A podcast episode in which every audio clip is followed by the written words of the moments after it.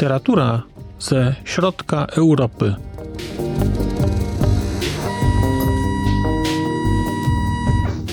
Podcast około książkowy. Dzień dobry. Witam Państwa po raz kolejny w podcaście Znak Litera Człowiek. Przed mikrofonem Marcin Piotrowski. Zapraszam dzisiaj do posłuchania opowieści, refleksji, przemyśleń na bazie książki Marcy Shore Kawior i popiół. Życie i śmierć pokolenia oczarowanych i rozczarowanych marksizmem. Książka ukazała się w roku 2008 nakładem wydawnictwa Świat Książki, a przekład tej książki przygotował pan Marcin Schuster.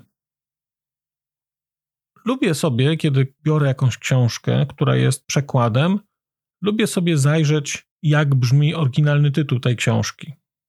I w przypadku książki Kawior i Popiół, oryginalny tytuł mówi chyba nieco więcej niż polski przekład, który jest jakby jego bardziej literacką wersją, literackim brzmieniem takim.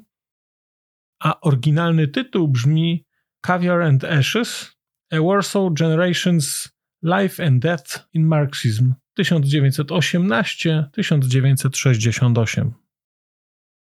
Mamy więc bardzo jasno powiedziane, że rzecz dotyczy pokolenia warszawskiego i mamy bardzo jasno określone ramy czasowe. 1918-1968, co daje w sumie 50 lat. I kiedy czytałem tę angielską wersję tytułu, to uderzyło mnie, że różne cezury czasowe widziałem, jeżeli chodzi o wiek XX, ale ta 1918-1968 to 50 lat pojawiło się po raz pierwszy. I w sumie nie wiem, czy szkoda, że ten tytuł nie brzmi tak po polsku, ale ciekawie on brzmi po angielsku. Bardziej powiedziałbym konkretnie. Ten polski wprost mówi o oczarowaniu i rozczarowaniu, a tutaj mówimy o życiu i śmierci w marksizmie. Sami Państwo możecie sobie spróbować zastanowić się, który tytuł bardziej Wam pasuje. Kawior i Popiół to jest druga książka Marcy Shore, która się pojawia w ramach podcastu Znak Litera Człowiek. Jakiś czas temu czytałem książkę Smak Popiołów i to była książka dla mnie bardzo znacząca, bo to była książka, która sprawiła, że zdecydowałem się bardziej systematycznie czytać polską literaturę, w szczególności polską literaturę bezpośrednio powojenną. To są te lata 45-56, być może później się przesunę dalej do roku 68. Na razie interesuje mnie pierwsze 10 lat funkcjonowania Polski po wojnie. I Kapior i Popiół trafił do mnie na listę czytelniczą na sam początek tej listy, jeżeli myślałem sobie o tym, jakie książki będę chciał przeczytać w ramach pierwszego miesiąca polskiego, gdzie będę czytał rzeczy związane bezpośrednio z okresem powojennym, no to wiedziałem, że będę czytał Lawinę i Kamienie i wiedziałem, że będę czytał Kawior i Popiół. Te dwie rzeczy były u mnie na początku listy i one były obowiązkowe. I o ile Lawina i Kamienie była tym, czego się spodziewałem faktycznie, o tyle Kawior i Popiół to jest książka, która mnie zaskoczyła. Nie oceniam jej, czy dobrze, czy źle, ale jest zupełnie inna niż oczekiwałem, że będzie. Czytając Smak Popiołów, bardzo mocno odbierałem taki osobisty charakter tamtej książki i sądziłem, że Kawior i Popiół będzie książką podobną. Tymczasem jest książką zupełnie inną.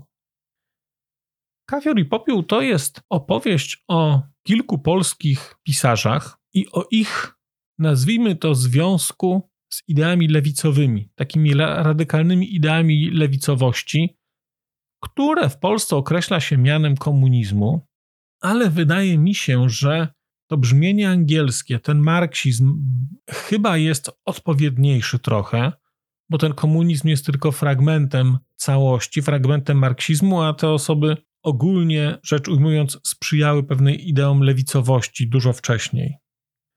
Jest ta książka dla mnie bardzo interesująca, dlatego że ona pokazała mi taki fragment historii polskiej literatury, który znałem dosyć oględnie bardzo, taki okres, zwłaszcza dwudziestolecia, który dużo lepiej znam z punktu widzenia chociażby historii sztuk wizualnych, architektury, malarstwa, rzeźby, typografii.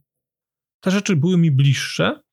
Natomiast teraz miałem okazję spojrzeć, dzięki tej książce, miałem okazję spojrzeć na dobrze znane mi nazwiska z innego punktu widzenia, z punktu widzenia literatury. Rzeczywiście ta historia, która zaczyna się w kawiorze i popiele, to jest historia, która zaczyna się nawet wcześniej niż w roku 1918, ale tak naprawdę mówimy tu o wydarzeniach, które dzieją się już w wolnej Polsce, tej Polsce powojennej Polsce, która powstała po I wojnie światowej. Kawior i popiół to jest opowieść o grupie pisarzy. No, może niekoniecznie o grupie, to jest opowieść o kilku pisarzach, którzy jakoś są ze sobą powiązani, i to jest opowieść o ich życiu, ale to życie pojawia się w kontekście politycznym. Oni są pokazani jako osoby, które z jednej strony tworzą literaturę, ale z drugiej strony mają swoje poglądy, oni w coś wierzą, oni coś wspierają, oni jakoś na rzeczywistość wokół siebie wpływają. Marcy Shore pisze więc w tej książce o Brunonie Jasieńskim, o Julianie Tuwimie, o Władysławie Broniewskim, o Antonim Słonimskim, o Aleksandrze Wacie. To są tylko główne osoby, które w tej książce się pojawiają, dlatego że to nie są jedyni bohaterowie tej książki. Pojawiają się tutaj też kobiety. Pojawia się postać Wandy Wasilewskiej. Pojawia się także postać Janiny Broniewskiej. Pojawia się Ola Wat. Tak naprawdę Kawior i Popiół to jest opowieść o dziejach fragmentu polskiej kultury, fragmentu polskiego życia intelektualnego, o pewnym sposobie myślenia, o pewnej wrażliwości. Na takim najwyższym poziomie można byłoby podzielić tę książkę na trzy okresy. Okres przedwojenny, okres nazwijmy to wojenny i powojenny. No, to byłby taki najbardziej banalny podział, ale wydaje się, że do jakiegoś stopnia prawdziwy. W tym przedwojniu jednak jest taki bardzo na przykład dla mnie interesujący i duży rozdział, duża część, bo to jest kilka rozdziałów, duża część tego przedwojnia poświęcona jest ruchowi futurystycznemu w Polsce.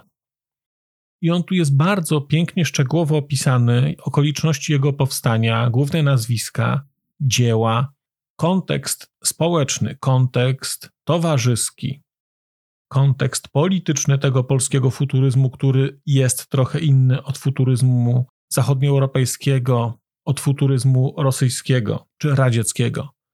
Tu się pojawia cały wątek Majakowskiego, relacji Majakowski-Polska, Majakowski-polscy twórcy.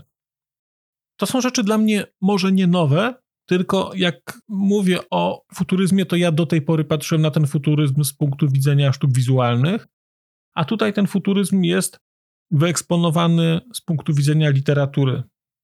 I to bardzo pięknie tutaj wybrzmiewa, to jest bardzo ciekawie pokazane. To znaczy, moja wiedza dotycząca historii sztuki nagle dostała tutaj bardzo takiego głębokiego kontekstu. Ten puzzle, który gdzieś tam składałem, zyskał ileś elementów i to wszystko się bardzo, bardzo ciekawie składa.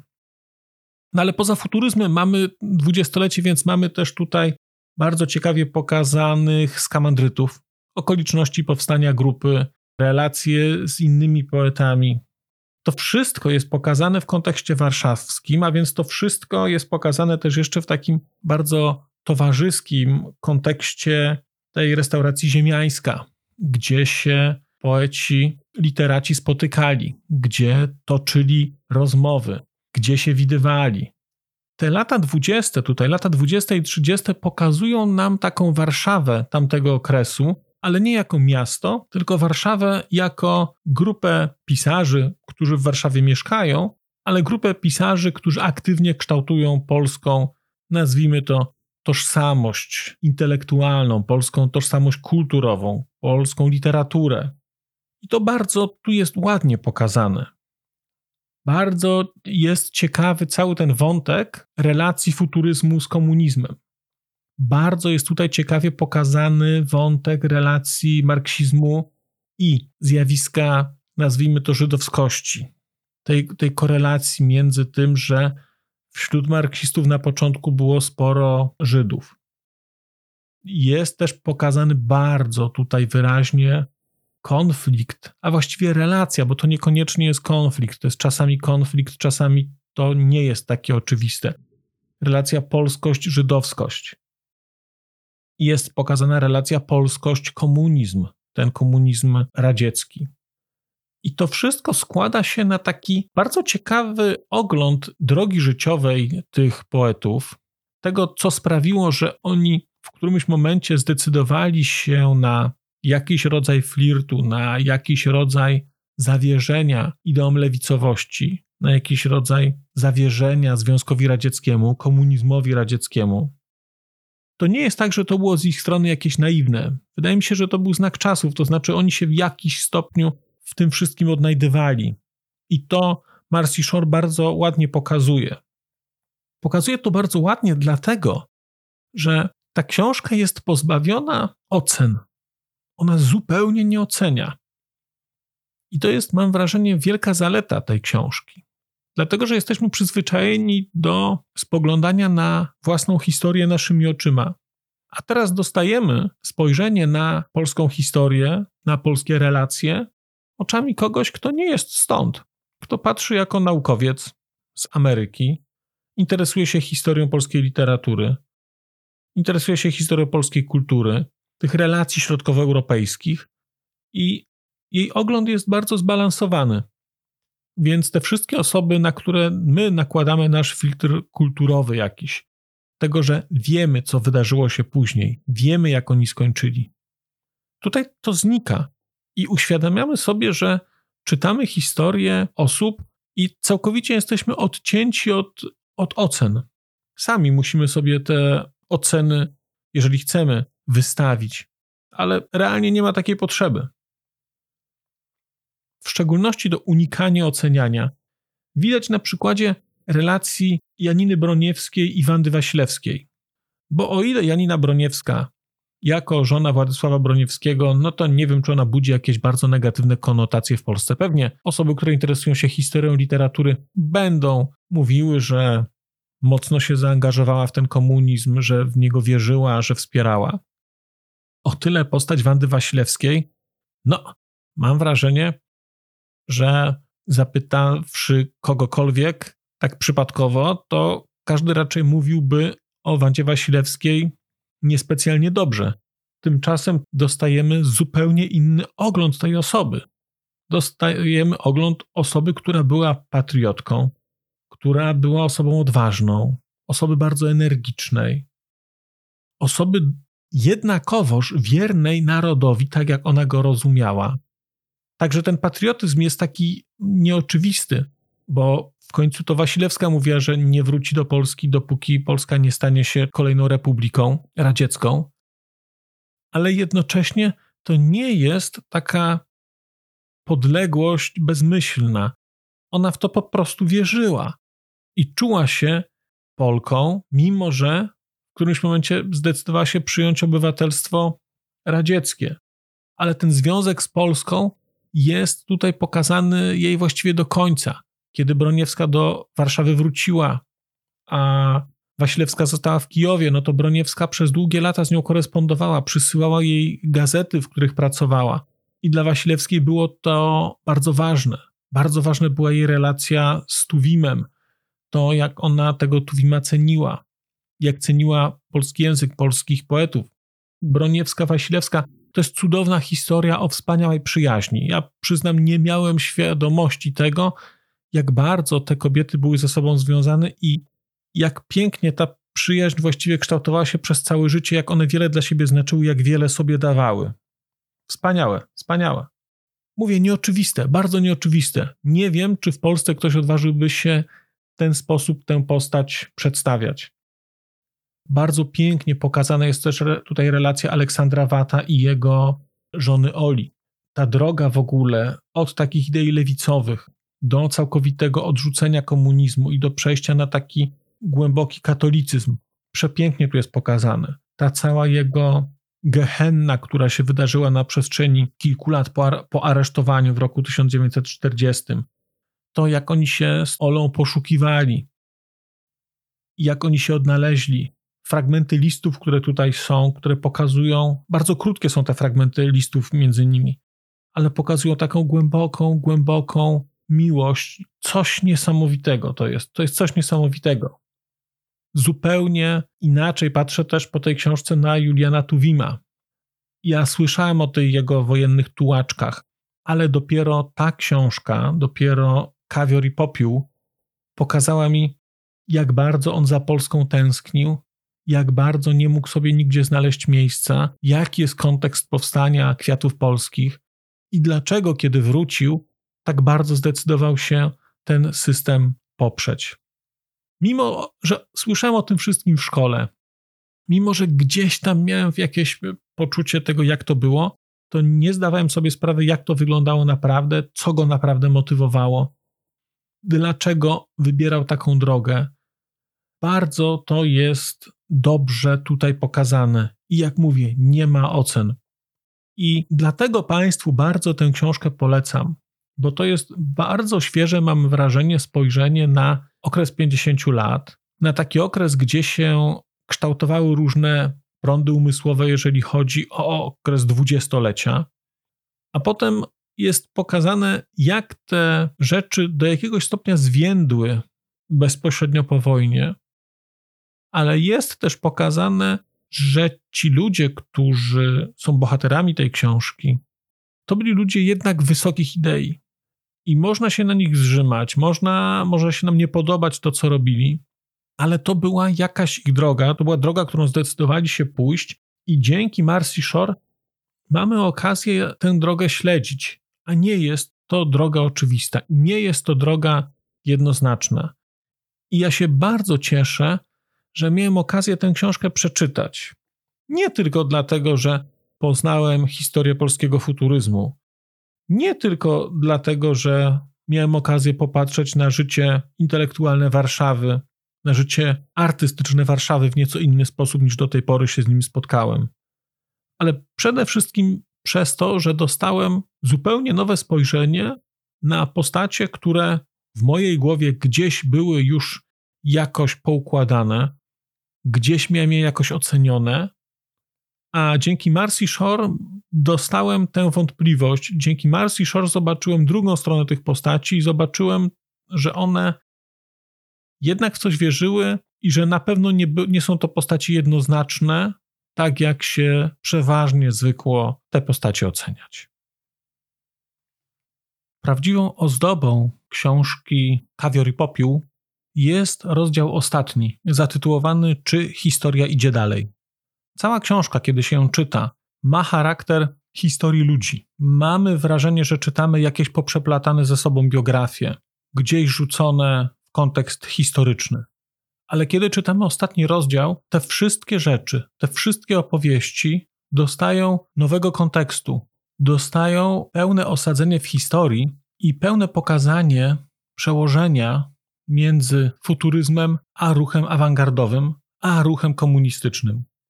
Ja mam gdzieś w planach odległych miesiąc albo kilka miesięcy poświęconych idei awangardy, awangardy polskiej i awangardy rosyjskiej, tego, co wydarzyło się w Rosji, co wydarzyło się w Polsce, co wydarzyło się także w Europie Zachodniej w latach dwudziestych XX wieku. Wielokrotnie stawiałem sobie pytanie, co sprawia, że najbardziej kreatywna, najbardziej poruszająca i najbardziej wyzywająca intelektualnie i estetycznie była jednak awangarda rosyjska, że ta awangarda polska też była świetna. Co to spowodowało? I dopiero książka Marcy Shore, Kawior i Popiół, pokazała mi tę relację, tę fundamentalną tezę, którą stawiają awangardziści, a która była bliska również marksistom.